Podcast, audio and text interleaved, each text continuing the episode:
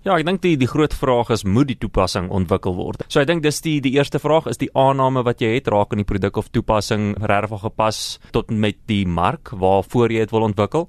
So ek dink jou aannames moet altyd getoets word. Van ons kant af wat ons gedoen het is ons het seker gemaak dat daar wel 'n behoefte is. Is daar 'n pynpunt wat ons aanspreek?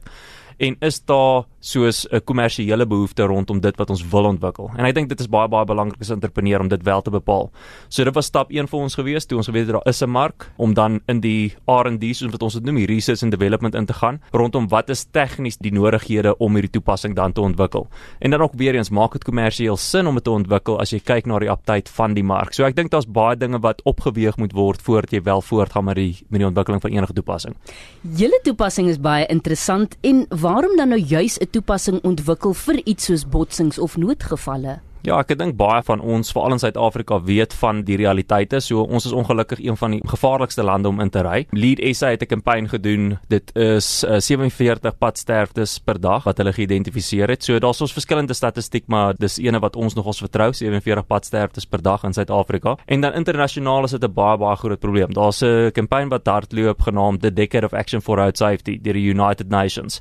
So dit hardloop vir die periode 2011 tot 2020 en die United Nations het sê hoorie so hierdie is 'n baie groot sosiale en ook 'n ekonomiese probleem. So daar's 1.3 miljoen padsterftes internasionaal. Dit kos ontwikkelende lande meer as 100 miljard dollar US elke jaar. So 'n baie groot ekonomiese impak. En dis ook die leidende oorsaak vir sterftes vir jong mense. So obviously 'n baie baie groot sosiale probleem en wat hulle geïdentifiseer het is post crash response is een van die pilare so daar's vyf pilare waarop die decade of action gebou is so mm -hmm. post crash response gaan basies oor hoe vinnig en hoe effektief jy kan respond op 'n uh, ongelukstoneel.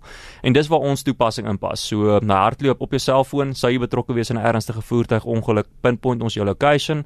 Ons voer dit in ons mediese nooddienssentrum in. Hulle sal jou bel. As hulle jou nie in die hande kry nie dan onmiddellik sal ons die naaste ambulans ontbied. En ons gaan ook vir die paramedici al jou persoonlike mediese inligting gee om seker te maak jy kry die regte behandeling op die toneel. Hoe presies werk dit? Is dit gekonnekteer aan alle nooddienste of hoe? Ja, so net op die tegniese kant, as jy betrokke is in 'n ernstige voertuigongeluk is daar baie forces. So ons praat gewoonlik van G-forces en in 'n ernstige ongeluk kan jy baie maklik in ekses van 30 G's experience in 'n groot ongeluk. So wat ons doen is ons het 'n sensor wat ons monitor op die foon genaamd die accelerometer. So tipies word hierdie sensor gebruik vir nie dit nie, dit word gebruik vir vir screen orientation. So as jy jou device um, tilt in kom ons sê landscape mode en dan obviously verander jou screen. So dis hmm. eintlik hoekom die sensor daar is, maar ons kan ook G-forces bepaal.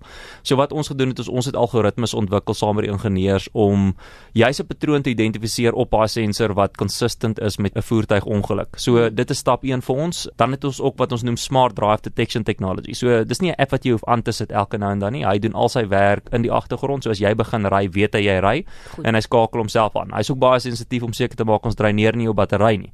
Want alhoewel ons jou lewe kan red, die laaste ding wat mense wil hê is dat jou battery gedreineer word ja, deur 'n app. Ja. So so dit is dis was obviously vir ons 'n 'n tegniese uitdaging geweest. En dan laastens wat vir ons baie belangrik was is om seker te maak dat ons toegang het tot die grootste independent national network of EMS personnel. So ons het meer as 113 mediese nooddiensmaatskappye op die boeke. Op enige gegee oomblik is daar meer as 5000 paramedici reg oor die land beskikbaar. Mm -hmm. En ons het ook 'n 24/7 mediese nooddienssentrum wat daar is om te assisteer.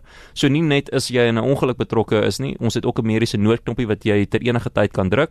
Indien jy die noodknoppie druk, voer ons dit in die mediese nooddienssentrum in en is 'n mediese agent wat jou gaan terugskakel. So hulle kan vir jou emergency pre-arrival instructions gee, byvoorbeeld CPR, terwyl die ambulans op pad is.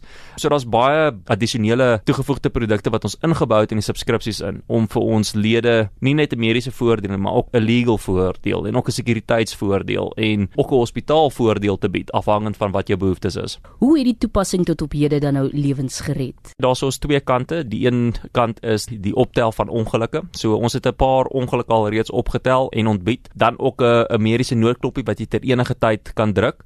So dis jammer om te sê dat op van die mediese noodknoppies wat gedruk is kon ons ongelukkig mense nie red nie, maar in sekere instansies het ons ook in my opinie het ons wel 'n diens gelewer wat wel lewens kon red. Ek dink waar ons nou is en die ooreenkomste wat ons geteken het met derde partye en die volumes wat ons aanboord op die oomblik, sal ons veral op die ongelukskant ek dink 'n baie baie groter impak hê. Die laaste ding wat jy eintlik wil doen is respond op 'n ongeluk, maar realiteit is dat ons almal is het risiko as ons die pad gebruik en ja, ek dink ons impak sal groter en groter word soos wat ons user base groei.